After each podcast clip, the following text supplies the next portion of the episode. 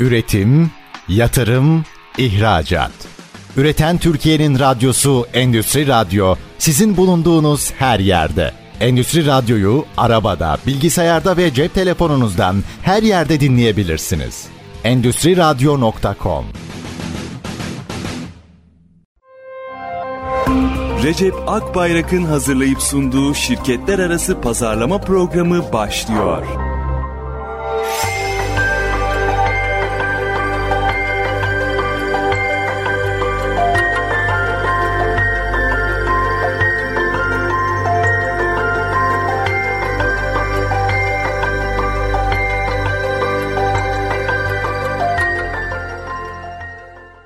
Şirketler arası pazarlamadan herkese merhaba. Sesimizin ulaştığı her yere saygı, sevgi, selamlarımızı iletiyoruz. Biz pazarlamaya dair her türlü soru, görüş, yorum, iş yönetimine dair programa katkı sağlamak istediğiniz her konuyu programda konuşuyor. Sizlerden gelen bilgilerle de beraber paylaşıyoruz. 0555 169 99 97 WhatsApp hattımız info.recepakparak.com'da mail adresimiz. Sizler dilediğiniz zaman dilediğiniz kanaldan bize ulaşabilirsiniz. Ağırlıklı olarak WhatsApp'tan gelen sorularınızı programda aynı yayında değerlendirirken mail adresine gelen sorularınızı ise genelde bir sonraki programda gündeme alıyoruz. Şimdi benim sorularınıza başlamadan önce ki siz dilediğiniz zaman sorularınızı görüş yorumlarınızı gönderin. Başlamadan önce bir konuyu işlemek istiyorum. Şu anda tabii iş dünyasının en zorlandığı alan özellikle işte personel istihdam sorunları yaşanıyor. Bunda en temelinde e, artık dünyanın ciddi manada iş yapma modelinin değiştiğini görüyor, gözlemliyoruz ama çok ciddi de bir riskle karşı karşıya olduğumuzu düşünüyorum. O riskin temelinde de şu oluşuyor. Şirketler artık yeni personel oluşturma, işte yetiştirme ve elde tutma konusunda çok ciddi zorlandıkları için zaten ideolojik olarak da özellikle nüfusu yaşlanmış ülkelerin zaten işin otomatik hale getirebilmeyi çok yoğun bir şekilde bu süreci hızlandırmaya çalıştıklarını biliyoruz. Ama Türkiye gibi genç bir nüfusun olduğu bir ülkede bunun biraz daha kontrollü olması gerektiğini düşünüyorum. Ama biz de bundan çok olumsuz etkileniyoruz ve şirketlerimiz bu konuya yani personel bulamama konusunda çözüm üretmek için de süreci hızlandırdığını çok net sağdan gözlemleyebiliyoruz. Hızlandırıp da ne yapıyor Türkiye'de şirketler diye düşündüğümüzde iş ağırlıklı olarak üretim tarafında yani mavi yakanın karanlık fabrikaya işini devretme yani robotlara işini devretmeye doğru gittiğini, bu sürecin çok hızlandığını gözlemliyoruz. Beyaz yakanın ise hizmet alanında çalışanların ise ağırlıklı olarak da yapay zekaya doğru işlerini tabiri caizse kaybetmek üzere olduklarını görüyoruz. Evet bu bugünden yarın olacak bir şey değil ama şirketler çözüm olarak buraya çok odaklar. Bu alanda işte hem kendi pazarlarını genişletebilme, rekabette öne geçebilme çabaları var hem de bir yandan tabiri caizse çaresizlikten bunu yapıyorlar. Şimdi bunu tetikleyen faktör nedir diye dönüp baktığımızda çok aşırı derecede bireyselleştiğimizi görüyorum. Bu da zaten bir algı yönetimiyle yıllardır yapılan bir ülkeler arası rekabet konusuydu. Bunu öncelikle yıllar önce reklamların içerisinde minik kupleler halinde görürdük. Sonra dizilerde çok sık görmeye başladık. Daha evveline döndüğümüzde işte sinema projelerinde çok sık kullanılırdı. Yani işte bireyselleştirirseniz toplumu yönetmek daha kolay olurdu amacı. Bu pazarlama disiplini içerisine giriyor, algı yönetiminin içerisine giriyor ve bunları bundan 25 yıl önce de gözlemleyebiliyordum ama bugün geldiği nokta itibariyle bu iş çok aşırı derecede sosyal medyanın etkisiyle de çok daha hızlandı ve çok kolaylaştı. Şu an hepimiz hani hiçbir şeye zorlanmak istemiyoruz. İşte olabildiğince kolay koşullar istiyoruz. İşte gençlerimiz e, hızlı zengin olmak istiyor. Bunu böyle bir herhangi bir tarafı haklı ya da haksız buluyor anlamında bu konuyu gündeme getirmiyorum. Ben sadece durum tespiti yapıyorum ve bu sürecin çok hızlandığını belirtmek istiyorum. Şimdi bu süreç öyle enseyi karartmayı da gerektirecek bir durum değil. Hani vay işte bu iş buraya gittiğinde ne olacak? Ben bunu sorun olarak şu yönüyle paylaşmak istiyorum. Bunun kontrollü olmadığında bir bedeli olur. Bu zaten bir değişim. Yıllar boyunca iş dünyasında iş yapma modelleri her zaman değişti. Değişmeye de devam edecek. Dolayısıyla değişime direnmenin bir anlamı yok. Dolayısıyla burada sorun aslında kontrollü yani nitelikli çalışanlarımızı nitelikli hale getirebilecek zamanımız varsa mesele yok. Ama bugün zamanımız yok. Ee, zamanımızın olmayışı bugünden yarına olacak anlamında söylemiyorum. Zamanımızın olmayışından kastettiğim şey tam olarak şu. Hani çok ciddi manada bu konuda işi evirmek, o eğitimleri vermek konusunda çok fazla gönüllü değiliz. Eğitimleri alma konusunda gönüllü değiliz. Dolayısıyla kendini geliştirme, bu değişime ayak uydurma konusunda iki tarafta yeterince e, yapması gerektiğini yapmadığını ve yapamadığını gözlemliyorum.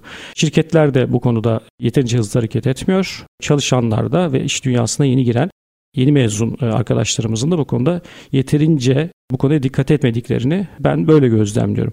Dolayısıyla bunun bir bedeli var. Bu bedel ödenmemesi için de biraz hızlı hareket etmek lazım. Ciddi almamız gerektiğini düşünüyorum. Şu anda çok ciddi bir işte ilanlara bakın. Bugün kariyer sitelerinde ilanlara bakın. Çok fazla personel arayan var.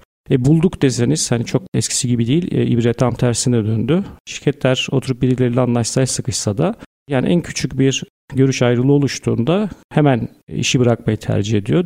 Dönüyoruz şirketlerin maruz kaldıkları ve rahatsız olduğunu düşündüğü şeylerde bir tolerans sınırının çok daraldığını gözlemliyoruz. Bu yönüyle de şirketler de aslında anlık kararlar verebiliyor ve bir anda işin rengi değişebiliyor. Bu çok mantıklı bir şey değil. Yani iş dünyası böyle yönetilmez. Dolayısıyla bu mutlak surette dikkat edilmesi gereken, özellikle Türkiye gibi genç nüfusu olan bir alanda dikkat edilmesi gereken bir unsur olarak görüyorum. Altını çize çize bunu bugünden belirtmek isterim. Bunu gözlemlediğimizde herkesin sağdan zaten benzer deneyimleri var. Çalışan kesim bu konuda sorunlarını zaten farklı platformlarda başta sosyal medya olmak üzere dile getiriyor. Şirketler zaten aradığı personeli bulamadığı konusunda sorunlarını dile getiriyor. E, çeşitli platformlarda bunu işte zirvelerde, sergilerde, konferanslarda, seminerlerde bunları gündeme getiriyor, konuşuyoruz. Hatta bir araya gelindiğinde de iki taraflı da bunlar konuşulduğunda herkes konuyu açıkçası sorunun farkında. Kendi cephesinden herkes durumu değerlendiriyor ama önemli bir gelişme olmadığı da aşikar. Bunun için mutlaka bir bir farkındalığın oluşması ve mutlak bir çözüm üretilmesi gerekliliğinden yanayım. Şimdi şirketler arası pazarlamaya sizlerden gelen sorularla devam edelim. Sizler 0555 169 99 97'ye ya da info.recepakbayrak.com'a dilediğiniz zaman soru görüş yorumlarınızı gönderebilirsiniz. Pazarlama ve iş yönetimine dair her türlü programa katkılarınızı bekliyoruz. Zafer Bey'in sorusuyla başlayalım. İzmir'den bir dinleyicimiz. B2B'de rakiplere göre ürün fiyatlandırma stratejileri nasıl olmalı? Çok yerinde, çok değerli bir soru. Çünkü markanın konumlandırmayla da doğru orantılı olduğunu düşünüyorum fiyatlandırmanın. Şöyle ki, siz markanızı kendi sektörünüzde neye göre konumlandıracaksınız, nasıl uyarlayacaksınız? Bu sizin hangi kesime sesleneceğinizde de doğru orantılı. Siz bunu belirlemediğinizde örneğin işte fiyatınızı biraz böyle kaliteli marka e, işte çok fiyatı da ona göre seçecekseniz bir problem yok ama fiyat konusunda bir rekabeti konumlandırmak istiyorsanız markanızı o zaman gerçekte de rakiplerinizden fiyatınızın bir miktar farklı olması gerekiyor. Tabii ki bu şöyle de yönetilebilir. Toplam sahip olma maliyetini de ön plana çıkararak belki konumlandırmanızı buna göre yapabilirsiniz. Yani bu durumda fiyatınız rakiplerinizin altında olması gerekmiyor ama mutlaka tutarlı olması gerekiyor. Pazarlama iletişiminde vurguladığınız faktörlerle ve gerçekteki fiyatınızla. Şimdi bir kere bunun temelini ne oluşturuyor? Bir kere rakiplerinizin fiyatını biliyor olmanız lazım bir fiyatı belirlerken. Bu çoğu zaman mümkün gibi olsa da her daim çok mümkün olmuyor. B2B'de de en önemli sorun temelinde şu. Çok değişken fiyatlar olabiliyor. Yani bu önceki senelere nazaran biraz azalıyor. Özellikle de fiyat politikası değiştikçe, maliyetler değiştikçe, çok sık fiyatlar güncellendikçe hani bu kadar belki sorgulanması hale dönüşebiliyor ama ne yazık ki kabul etmek lazım. Şirketler çoğunlukla aynı ürünü, aynı hizmeti aynı fiyat standartıyla satamıyorlar. Bunu etkileyen faktörler ne? Bazen yoğun rekabet, bazen ödeme koşulları, bazen işte tabiri caizse günü kurtarma ana motivasyonuyla fiyatlarda ciddi esneklikler olabiliyor. Bu da piyasada bir kere markalara karşı güvensizlik, şirketlere karşı güvensizlik oluşturuyor ve tüketici daha fazla pazarlığa e, itiyor. Bunu dönem dönem değiştiğini nerede görebiliyoruz? Özellikle arz talebin değiştiğinde yani parasıyla da ürünü bulamadığınız dönemler ara sıra olabildiğinde işte o zaman bu sorgu biraz düşüyor. Ancak çoğu zaman böyle değil. Onun için bir kere öncelikli olarak rakiplerimizin fiyatlarını öğrenebiliyor olmamız lazım. Yöntemler neler? Çoğunlukla firmalar işte e, müşteri gibi davranan, işte ilişkileri iyi olan müşterilerden yardım isterler, dost ve müşterilerinden yardım isterler. Onlardan aldığı bilgilerle rakiplerini öğrenmeye çalışırlar fiyatlarını. Fiyatları öğrendiniz. Rekabet açısından da şimdi tercih edeceğiniz alan örneğin işte daha ekonomik bir fiyatla çıkmak istiyorsunuz. Bunu pazarlama iletişiminizde reklamlara da yansıtabilirseniz Ben bunu çok avantajlı buluyorum. Çünkü B2B'de çok az marka fiyat yazarak pazarlama yapabilir. Pazarlama iletişimi yapabilir. Yani bunu ifşa edebilir. Çoğunlukla ne görüyoruz orada? Hani fiyat yazmadan işte firmalar bizimle iletişime geçsin. Sonra bu geçtik e, bizimle iletişim kurulduktan sonra işte pazarlık olacaksa orada olsun. Dolayısıyla da fiyatı ifşa edip de işte hem rakiplerimizi bilgilendirmeyelim hem fiyat tutarsızlığı açısından işte e, aynı ürünü aynı hizmeti farklı fiyatlara sattığımızı işte ortaya çıkmasın kaygısıyla bu paylaşılmıyor. Ama günümüzde e, aslında B2C'de çok sık karşılaştığımız işte fiyat karşılaştırma platformları var. Benzer bir alışkanlık aslında B2B'de de oluştu. Doğrudan alışveriş yapmayacak aslında ama yine de internette işte arama sonuçlarına çıkan yerde işte alışverişte ara diye de bir fiyat karşılaştırma stratejisi var. Orada fiyatı önce öğrenmeye çalışıyor. Yani piyasada 3 aşağı 5 yukarı bu ürün, bu hizmet şirketimi almayı düşündüğüm bu ürün, bu hizmet ortalama kaç para? Onu öğreneyim de en azından işte pazarlıkta biraz elimi güçlendirsin diye. Burada da bir fiyat skalası belirleniyor. Ben bu yönüyle işte doğrudan e, ticaret sitesi yapılamayacak B2B ürünlerde bile bunu işte belli bir fiyat aralığı veren e-ticaret sitelerinin yapılması ve internette arama yapıldığında alışverişte ara seçeneğiyle de e, potansiyel müşterilerimizin karşısına çıkabilmeyi bu yönde önemli ve değerli buluyorum. Fiyatı belirledik. İşte rekabette de nereye konumlanacağımızı işte potansiyel müşterilerimize zihninde biz daha işte ekonomik bir markayız diye düşüneceksek o zaman bir tık altına inmek kuşkusuz önemli ve avantajlı. Ama daha böyle biz kaliteye odaklanacağız. E, işte dolayısıyla fiyat odaklı müşterilerden uzak durmak istiyoruz. Yani onlara çok fazla odak değiliz diye düşündüğümüzde de o zaman mutlaka bazı ürünlerde kar marjı çok ciddi manada yüksek de olsa bunu stratejik olarak yapan markaları da biliyoruz. İyi sonuçlar da alınıyor burada. Örneğin işte bir rakar üreticisinden duymuştum. Global bir rakibiyle arasında aynı ürünü ürün ürettiğinde işte 13 kat gibi bir e, fiyat farkı olduğunu söylemişti. Yani böyle bir fiyat farkıyla bunu hani biz de ürettik ve birebir aynı şeyi yapıyor. Dolayısıyla hani böyle bir fiyat farkını da ortaya koymak bana biraz yüksek geliyor, haksız geliyor gibi bir ifade kullanmıştı. Ancak doğrudan bu şekilde rekabet edemezsiniz. Yani siz sizden 13 kat daha pahalı satan ve piyasada iyi bir pazar oluşturmuş birine siz bunu çok çok aşırı derecede ucuz olarak sattığınızda o kesime satmanız son derece zor olacaktır. Toparlarsak doğru fiyatın belirlenmesi B2B'de B2C'den bile daha önemli olduğunu düşünüyorum. Şimdi kısa bir reklam arası rica ediyoruz. Reklamlardan sonra Şirket arası pazarlama devam edecek. 0555 169 99 97'ye reklamlar süresince bize bir kitap yazıp mesaj gönderirseniz ya da info.recepakbayrak'a mesaj gönderirseniz kitap hediyemizi de sizinle paylaşıyor olalım. Reklamlardan sonra görüşmek üzere. Üretim, yatırım, ihracat. Üreten Türkiye'nin radyosu Endüstri Radyo sizin bulunduğunuz her yerde. Endüstri Radyo'yu arabada, bilgisayarda ve cep telefonunuzdan her yerde dinleyebilirsiniz. Endüstri Radyo.com Şirketler pazarlama devam ediyor. Sizlerden gelen sorularla devam edelim.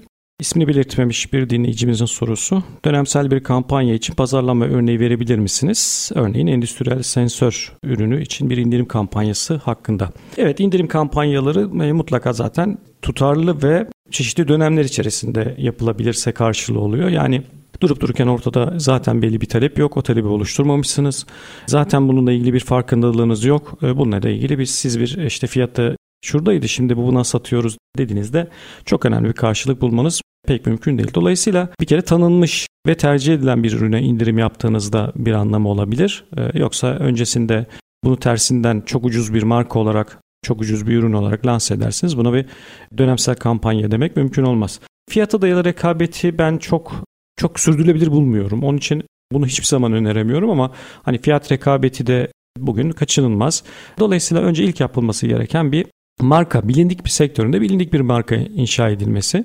Bilindik bir marka olduğunuzda sizi tercih etmese bile rakiplerinizi tercih ediyor olsa bile potansiyel müşterileriniz o zaman zaten her halükarda siz bir teklif alındığında teklifte o masalarda olacak bir markasınız. Bu önemli.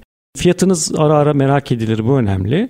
Ve neden rakibinizi değil de işte mevcut tedarikçisini bırakıp size dönmesini, sizden almasını tercih edecek e, işte sebepleri şimdi oluşturabilirsiniz ama bu evreyi geçmeden doğrudan indirimli bir kampanyanın hiçbir karşılığı olmayacağını düşünüyorum ve önermiyorum. Bunu yaptığınızda örneğin işte mevcut tedarikçisini sorgulatabileceğiniz bir rakamla ortaya çıkabilirseniz dönemsel kampanyanızda indirimli kampanyayla işte hedefi vurdunuz 12'den demektir. Bunun için yapılması gereken önce sektörde iyi bir marka bilinirliği inşa etmek, sonra mevcut tedarikçilerini değiştirme konusunda bir sebep ortaya atmak. Bu bazen fiyatla olabilir, bazen kullanım süresiyle olabilir, bazen doğrudan etkileyebileceğiniz böyle tedarikçisini sorgulatabilecek bir vaatle olabilir. Bunu düşünürsek belki çeşitlen fiyat dışında işte ürün kullanım süresi dışında belki servis gibi daha da artırılabilir. Yani yaşadığı bir sorunu doğru tespit edip o sorun üzerine işte şu tarihler arasında yaparsanız bizimle e, işte ürünü kullanır dener işte biz tercih ederseniz size şu şu şu imkanları sağlayacağız gibi ekstra fırsatları sunmak dönemsel kampanyalar açısından önemli ve değerlidir ama mutlaka bilindik bir marka inşa edelim. Şimdi bu vesileyle aslında hani neredeyse bütün işte kurguyu ben her firmanın, her markanın kendi sektöründe mutlaka bilindik bir marka inşa etmesini ön plana çıkararak konuşuyorum. Geçenlerde bir mail aldım.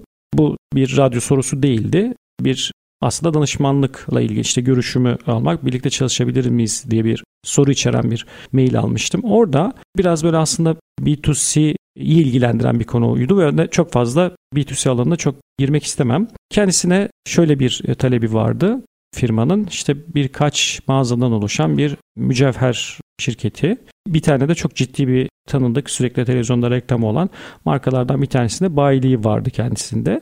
Hani orada bir marka inşa edilebilir mi? Kendisiyle birimizin birlikte yapabileceğimiz bir şey var mı türünde bir soru içeriyordu. Mesela bu, bu yapılmaması gereken bir şey. Neyi kastediyorum? Siz bir markanın temsilcisiniz. Marka televizyonda zaten Sürekli reklamları var. Tanındık bir marka. Siz onun üzerine e, bir şey inşa etmeniz hiç kolay değil. Şimdi bunu neden gündeme getirdim? Bu biraz da B2B tarafında şuna benziyor.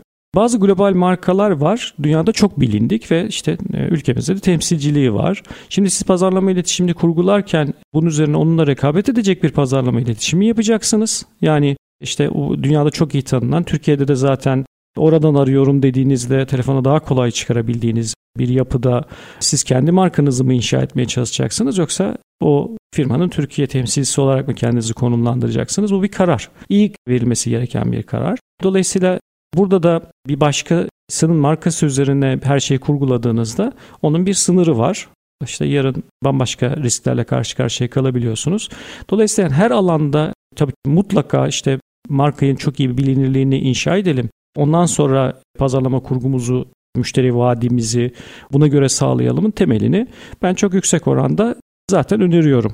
Belki neredeyse %90 oranında bilindik markayı e, daha e, kolay sattığınız için bunu inşa etmek kuşkusuz önemli ve değerli.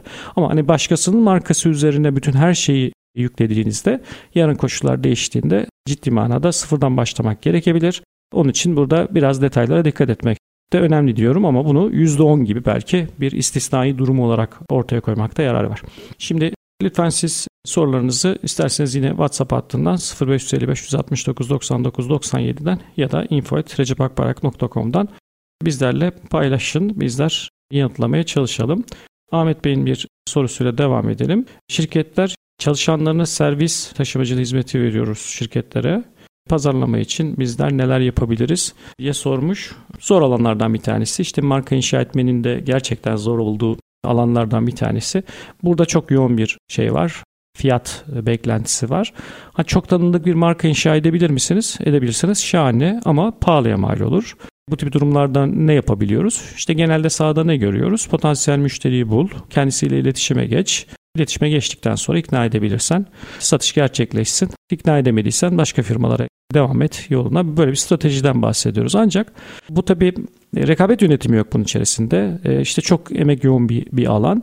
Onun için biraz böyle servis taşımacılığı dediğinizde hemen her şeydir yani böyle her sektöre çalışabilirsiniz ama hani bazı alanlara odaklandığınızı orada işte belki bu bölgesel olabilir belki e, sektörel olabilir bir gerekçesini bularak orada biraz böyle tercih edilecek bir markayı önceden konumlandırmak, belli bir sektöre yani sektörel odaklanmayla belli bir sektöre bir farkındalık oluşturmak mümkün. Bunu şunun için e, gerekli, faydalı buluyorum. Siz belli sektöre seslendiğinizde o zaman bunu algılaması, sizinle işte hikayenizi dinlemek e, isteyecek, iştahlandırabileceğiniz bir bir bilinirlik oluşturmak mümkün. Bu iş biraz daha kolaylaşıyor. Bunu çok genel olarak alırsanız yani kendi işinizi sadece anlatırsanız işte biz taşımacılık yapıyoruz en iyi de biz yapıyoruz.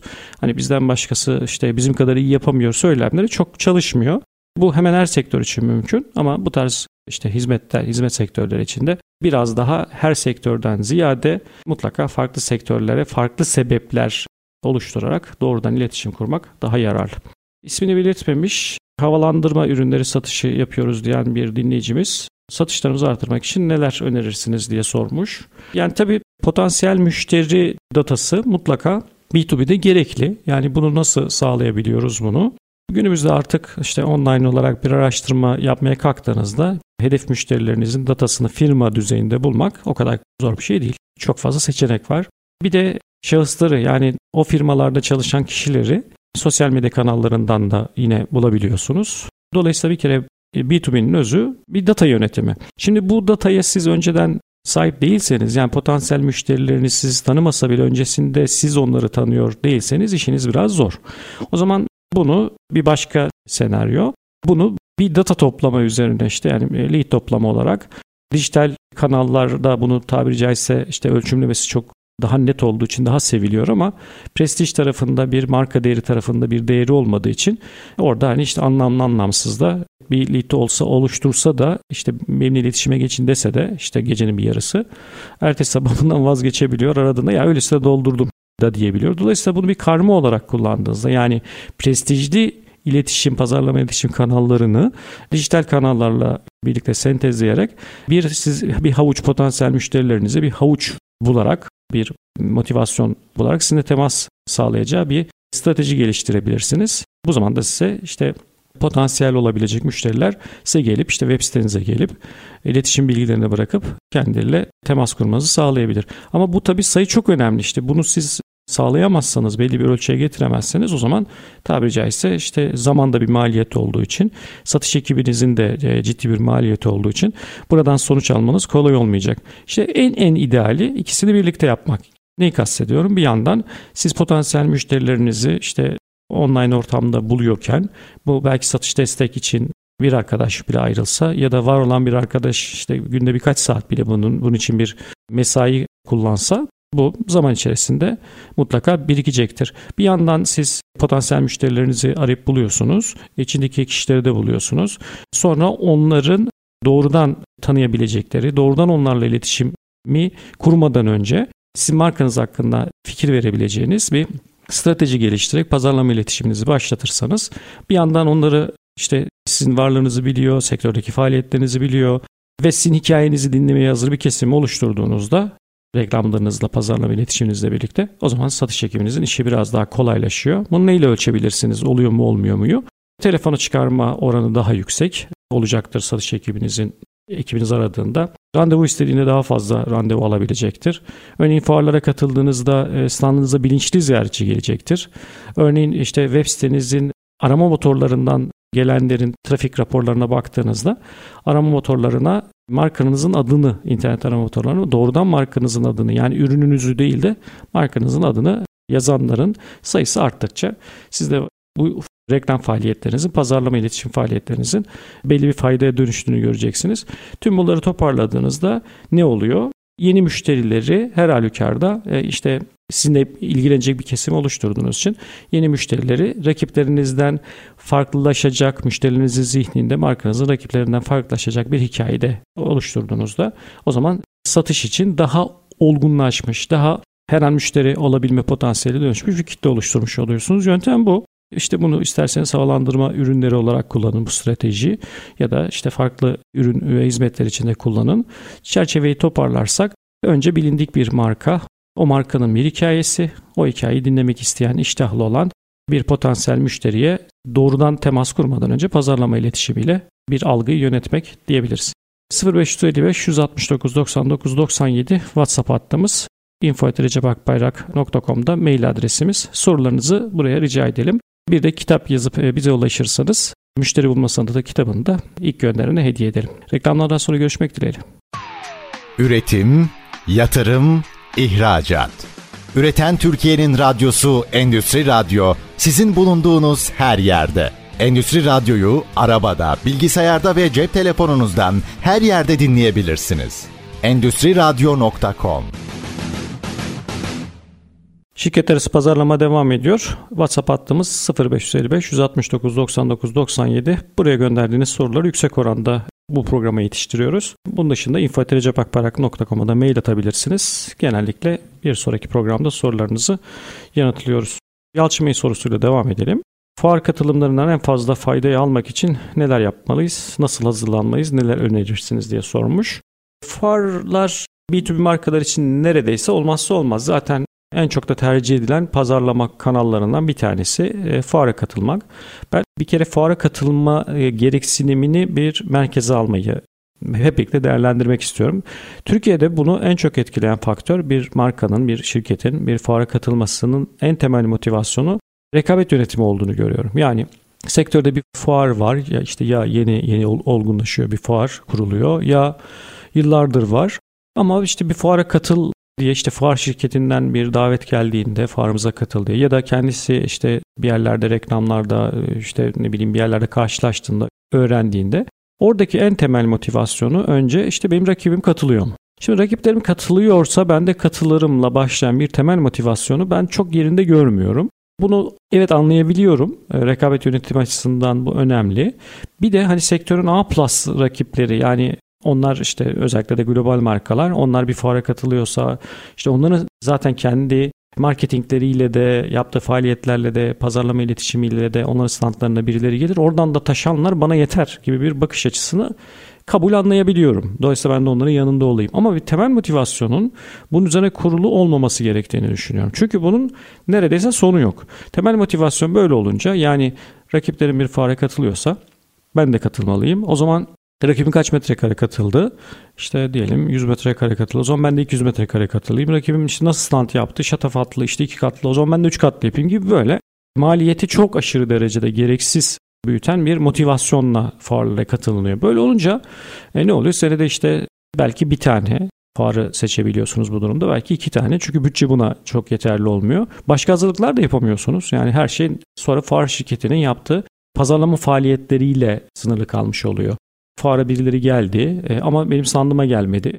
Benim için bir anlam ifade etmiyor. Dolayısıyla benim standıma da gel- gelmesi için benim mutlaka katıldığım fuarda öncesinde yapmam gereken bir takım benim de pazarlama iletişim çalışmalarım var. Yani kendi sektörümü, kendi network'ümü o fuarda olduğumu mutlaka duyurmam lazım. Bunu da böyle sosyal medyadan duyurdum. Herkes de istisnasız standıma gelecek.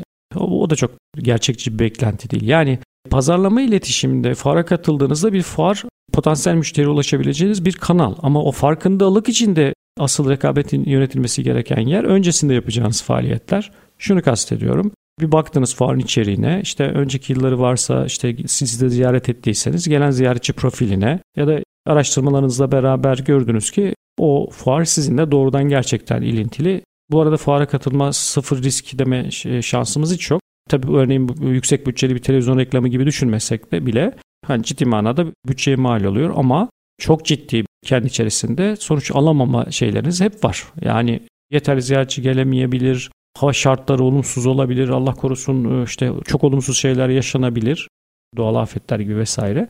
E, buna rağmen e, siz de işte bir risk almış oluyorsunuz zaten. Dolayısıyla ticaretin özünde de bu riski e, almak var. Ve bütün bunları bilerek siz bir fuarı tercih ettiğinizde, katılmayı tercih ettiğinizde oraya her şeyin en iyisi olacak düşüncesiyle de hazırlık yapmak lazım. Yani ben bir fuara katıldım. O fuarda da bir maliyetim oldu. Onun dışında da işte neyi kastediyorum? Bir fuar şirketine bir şey ödedim. Bir de stand yaptım. Oraya da bir şey ödedim. Onun dışında bir, bir daha pazarlamayı niye yapayım? Dediğinizde o zaman iç rekabet yönetiminiz yok.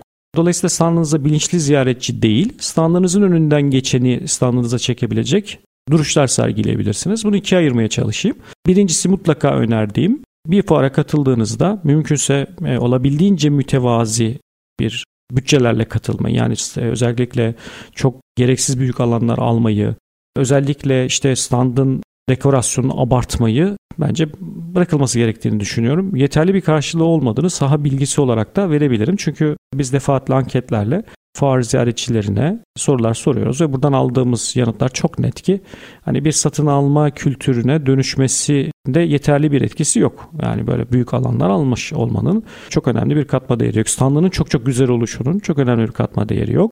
Dolayısıyla siz daha çok fuara katılabiliyorsanız ne ala daha fazla imkanınız olacak. Daha fazla potansiyel müşteri sizin standınıza gelerek ayağınıza gelmiş olacak. Dolayısıyla bunu çeşitlendirmek daha avantajlı. Şimdi bunu nasıl yapabiliyoruz? Bir fuara katıldınız. O fuarda uygulama örneklerinizi sergileyebileceğinizi ve orada işte standınızda ne tip etkinliklerde bulunacağınızı, nasıl bir fark yaratacağınızı, orada vereceğiniz işte avantajların işte pazarlama dilleriyle havuçların neler olduğunu önceden fuar daha başlamadan önce ciddi bir sürede önce bu genelde 30 gün e, gibi bir süre öncesinden başlaması yararlıdır. Burada siz ortaya bu bilgileri pazarlama iletişimiyle koyabilirsiniz. O zaman doğrudan ben bu fuara gideceğimden önce ben bu firmayla fuarda görüşeceğim dedirtebileceğiniz bir kesim oluşturmuş oluyorsunuz. E bundan daha avantajlı ne olabilir? Dolayısıyla buraya bütçeniz kalsın. Yani kalkıp böyle işin şatafatına yatırım yapmak yerine pazarlama iletişimine yani algıyı yönetmeye yani standınıza bilinçli bir kitleyi getirmeye yatırım yapmak daha avantajlı. Şimdi içeriye girdik. İmkanımız son derece sınırlı. Çok fazla da bir şey bu alanda yatırımımız yok, yapamıyoruz. Daha mütevazi bütçelere ihtiyacımız var.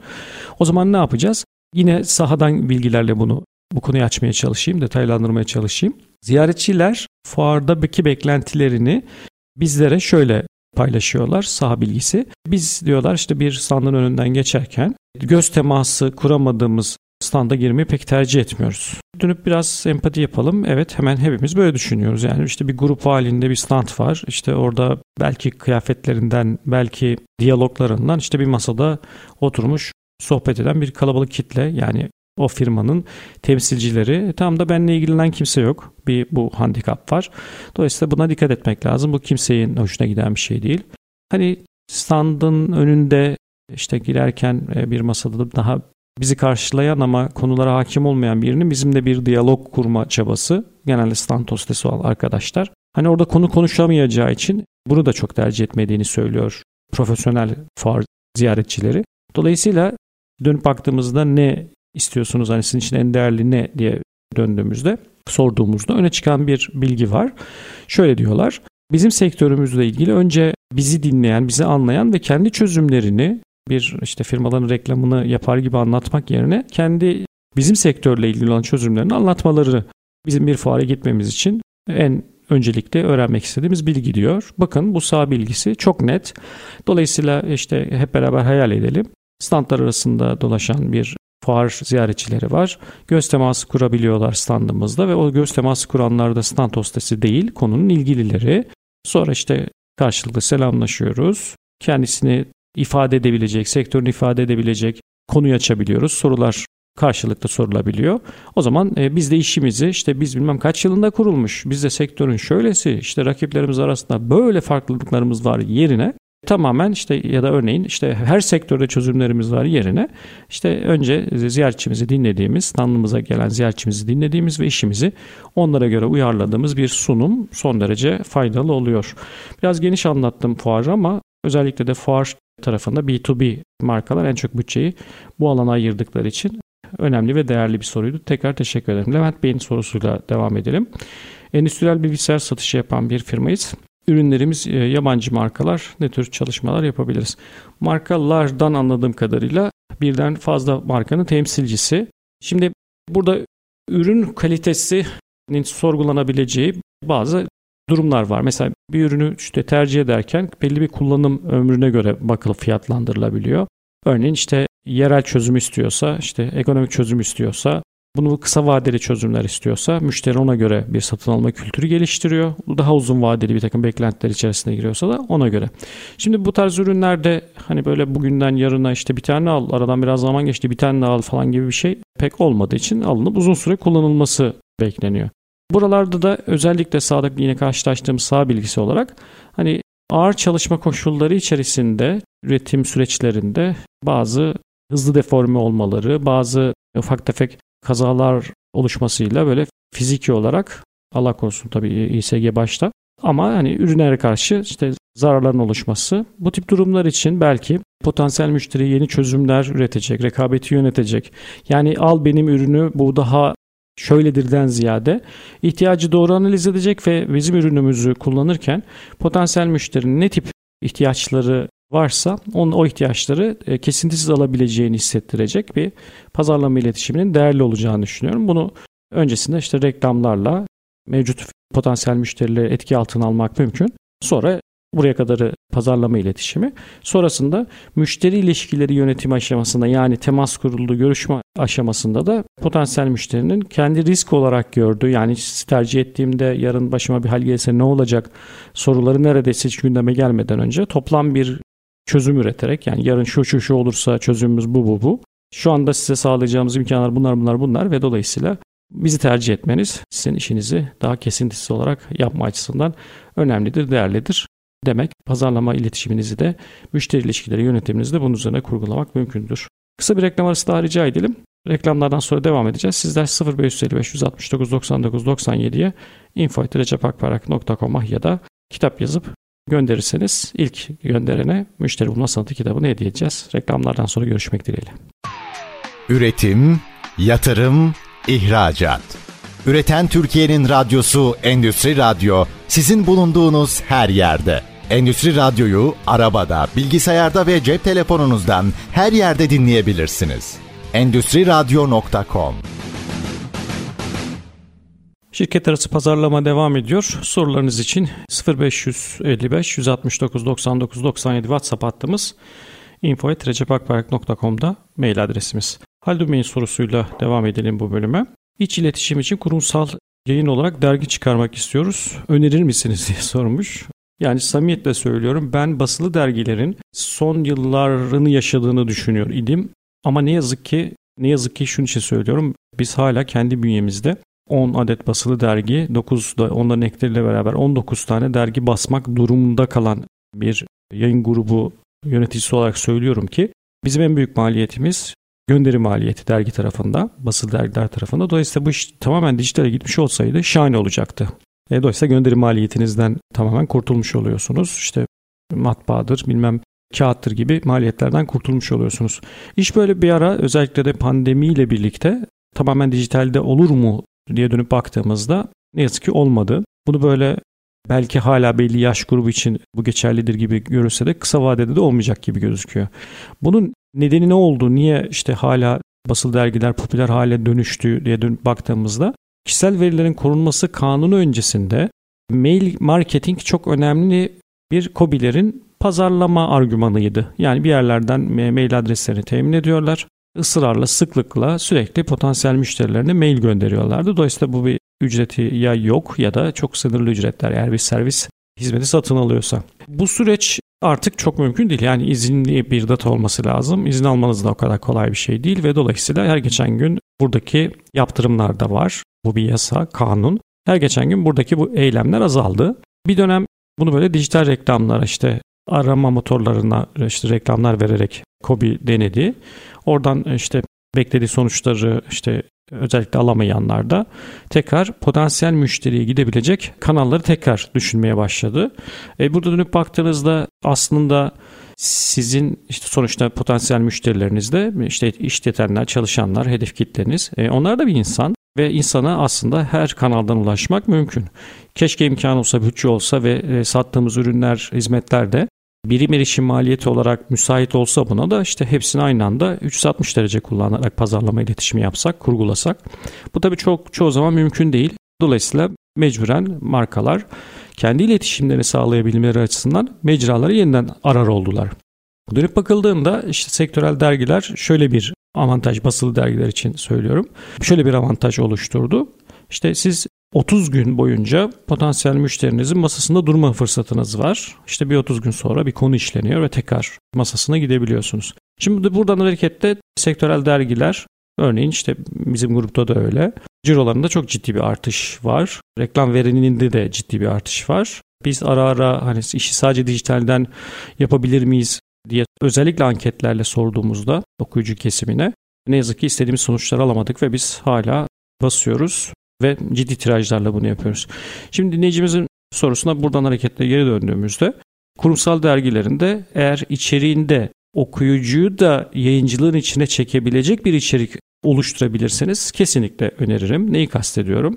Kurumsal dergilerin iki misyonu var. Bir tanesi işte kurum içindeki iletişim sağlamak. Bu çoklu çalışanları olan şirketler için önemli ve değerli. Zaten içeriği oluştururken hep birlikte bir farkındalık oluşuyor ve sonra dergi çıktığında da bu derginin okunmasına bir bir vesile oluyor. Aynı yöntemle bir de kurumsal dergileri potansiyel müşterileriyle de mevcut ve potansiyel müşterileriyle de iletişim e, aracı olarak basan hala çeşitli kurumlar var. Bu yönüyle de değerli ama hani biz oturduk masa başından kendimiz bir takım içerikler ürettik. O ürettiğimiz içerikten kimsenin haberi yok. Ortaya da bir tane dergi çıktı. Biz de bu dergiyi hop gönderdik. Bunun jiletininden çıkma ihtimali bile son derece zayıf. Onun için burada bir püf noktası var işin. Mutlaka okuyucuyu yayıncılığın içine çekme faaliyetler önemli. Neyi kastediyorum? İşte örneğin e, bugün ortalama dönüp bakıldığında işte 3000 tirajlı bir dergi için derginin okuyucu kitlesi olan işte hani binlerce kişiyle de doğrudan iletişim kurulabilir mi? E şöyle kurulabilir. Siz içeride disiplin başlıklarınız var dergin içerisinde. Bunlar dosya konuları oluyor. Bunlar işte bir tane kapak konusu oluyor. Bunlar sabit konular oluyor ve sayı sayı değişkenlik olan konular oluyor. Bu konularla beraber evet 3000'de de iletişim kurabilirsiniz. 13000'de de iletişim kurabilirsiniz. Bu kurduğunuz iletişim doğrudan yüzde iletişimi kastetmiyorum. Ama oluşturduğunuz içerikle ilgili onlara ulaşabilecek kanala sahipseniz ki zaten böyle bir kanalınız yoksa o zaman dergi çıkarmaya da gerek yok. Ama böyle bir kanalınız varsa o zaman iletişim de kurabiliyorsunuz. Kurduğunuz iletişimde onlardan da işte soru görüş, yorum, anket gibi katılımlarını sağlayabilirseniz o zaman ne ala. İşte bu çalışma dergin daha bu çalışma süreçleri içerisinde siz bir farkındalık oluşturuyorsunuz ve insanlarda bir merak oluşuyor. Yani sizin okuyucu kitlenizde bu derginin çıkmasını ve işlediğiniz konunun işte özünü, neticesini, işte o hap bilgisini öğrenmek istiyor. O zaman derginiz zaten yerine ulaşmadığında hatta biraz geç kaldığında bile dergi gelmedi diyen bir kesim oluşturursunuz. Bunu da belli rutinler halinde yaparsanız da son derece yararlı olur. Öneriyor muyum? Evet öneriyorum ama mutlaka bu kriterlerde. 0555 169 99 97'ye şimdi kitap yazıp bir dakika içerisinde mail gönderirseniz bu bölüm içerisinde de size ilk gönderen dinleyicimize Müşteri Bulma Sanatı kitabını göndermiş olalım. Yalçın Bey'in sorusuyla devam edelim. B2B'de sosyal sorumluluk kampanyalarının oluşturulması için de bir tavsiyede bulunur musunuz? Sorunuz için teşekkür ederim. Ne kadar güzel olur. Yani ama burada B2B'de doğru hedef kitleyle doğru markanın kimyasını eşleştirmeye çok çoğu zaman kolay olmadığını düşünüyorum. Zorlama konularında ve özellikle de işte ben biraz bu konuda muhafazakarım. Hani böyle iyiliği ifşa etmeyi de çok sevmiyorum ama tabii farklı görüşler de var. İyiliği ifşa ettiğinizde de işte teşvik olduğunu düşünen bir kesim de var. Yani sosyal sorumluluğun bence çıkış noktası işi ticarete buradan bir gelir elde etmeye dökmek olmamalı. Bence sosyal sorumlu markalar açısından da sektörüne işte bölgesine, iline, ülkesine olan bir borcu olarak görmesi gerektiğini düşünüyorum. Sonuçta bir para kazanıyorsak o sektörün gelişimine, oradaki insanın gelişimine, hatta oradaki canlıların hayatını idame edilip konforunun artmasına bile destek verecek bir takım kampanyaların, sosyal sorumluluk kampanyalarının yapılması ne ala, ne kadar güzel olduğunu düşünüyorum. Nasıl örnekleyebiliriz diye dönüp baktığımızda mutlaka markanın çizgisiyle yani işte belki çevreyi olgunlaştıran, belki çevreyle ilgili bir ürününüz varsa eğer, örneğin işte inşaat sektörüyle ilgili bir şey yapıyorsanız o sektörde bir katma değer sağlayacak. Ne bileyim yani mutlaka anlamlı sektörünüzde bağlantılı bir şey olması gerekliliğini düşünüyorum. Yani bambaşka bir yerlere taşımanın da çok bir alem olmadığını düşünüyorum. Çok kolay değil. Mutlaka yapalım. Gücü olan hemen her marka bunu yapsın. Ama hani böyle çok da ille de ticarete dökmemiz gerekmediği kanaatindeyim. Ahmet Bey'in sorusuyla devam edelim. Ankara'dan bize yazmış. Bu arada soruları okurken telefondan okuyorum. Ee, yeni bir göz doktoruna gitme ihtiyacı hissettiğimi fark ettim. Burada da bir deneyim paylaşayım. Birkaç yıl önce doktora gitmiştim başka bir vesileyle. Sonra baktım göz doktoru da müsait. Gitmişken onunla da bir görüşeyim dedim. Gittim dedim ki bir kontrol edelim bakalım. Hani yazıları okurken e, zorlandığımı hissediyorum dedim. Benden yaşça oldukça genç doktor arkadaş dedi ki abi sen yaşımı şeyden görerek ekranında görerek abi sen 6 senelik fazlalık görüyorsun dedi. Üzerinden biraz daha geçti. Muhtemelen benim şimdi buna da bir kontrol ettirip tekrar önlem almam lazım. Tekrar döneyim Ahmet Bey'den de sorusu için teşekkür ederek. Ankara'dan dinleyicimiz yazmıştı. Bir marka patent firmasıyız. Pazarlama çalışmalarımızla ilgili rakiplerimizden nasıl farklılaştırabiliriz diye sormuş. Yani bu tarz çok zor sektörler yani böyle neden sizi tercih etsinlerin inşa edilmesi oldukça zor. Ama mutlaka yapılması gereken bir şey. E, çünkü rekabette siz e, müşterilerinizin zihninde bir farkı ortaya koyarken bu bir algı yönetimidir. Yani gerçekte de pazarlama iletişimiyle bir fark koyuyorsunuz ama bu böyle ille de %100 öyle olmak zorunda değil. Mutlaka zaten pazarlama iletişimi gelecekteki hedeflerinizin işte bir tık önünde olması lazım. Yani o sizin önünüzü açacak.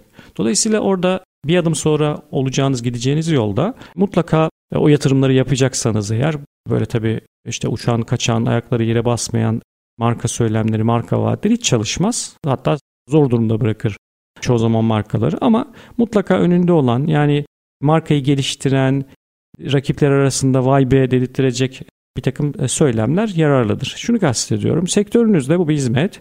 Sektörünüzde işte bugün belki o hızda hizmet veremiyor olabilirsiniz. Belki o fiyat aralığında hizmet veremiyor olabilirsiniz. Belki rakiplerinizden çok an itibariyle neredeyse hiçbir farklılığınız olmayabilir ama oradaki ihtiyaçları doğru analiz ettiğinizde ve bir süre sonra bunu yapabilecek, bu yatırımı yapabileceğinizi düşündüğünüzde hiç bunu e, pazarlama iletişiminizin merkezinde almasında almakta bir sakınca görmeyin bence. Neden? Siz bugün bir vaatte bulunduğunuzda bunu böyle duyar duymaz ancak işte sektördeki hizmetim öyle. Zaten kullanıcılar içerisinde yarı fiyatına verirseniz bir anda tabii telefonlarınız hemen çalmaya başlar. Ama kurguladığınız bir pazarlama iletişiminde bir algının belli bir oranda olgunlaşmasının bir sürece ihtiyacı var. O süreç bir yandan bırakın pazarlama iletişimiyle olgunlaşsın.